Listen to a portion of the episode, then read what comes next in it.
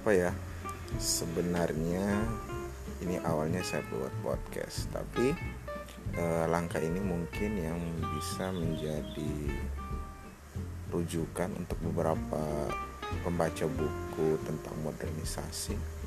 Nah, e, untuk buku ini yang kalau menurut saya agak menarik pembahasannya sebab e, beberapa orang terperdaya dengan kata modern.